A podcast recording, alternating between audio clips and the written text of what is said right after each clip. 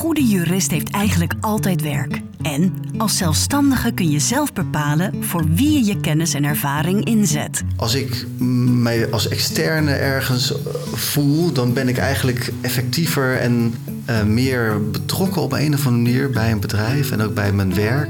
Er zijn steeds meer juristen die hiervoor kiezen. Ze opereren vaak op de achtergrond.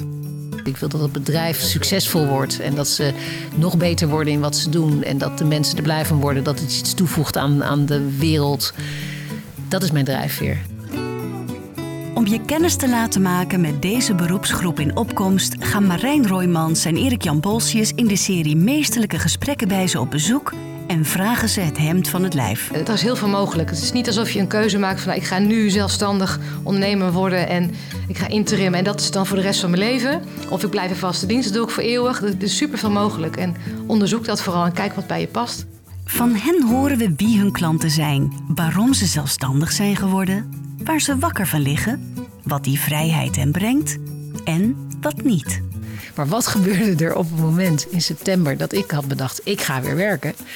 Normaal gesproken word je, werd ik altijd wel gebeld. Ik was nog met me bezig en dan belden ze alweer. Maar nu bleef het stil.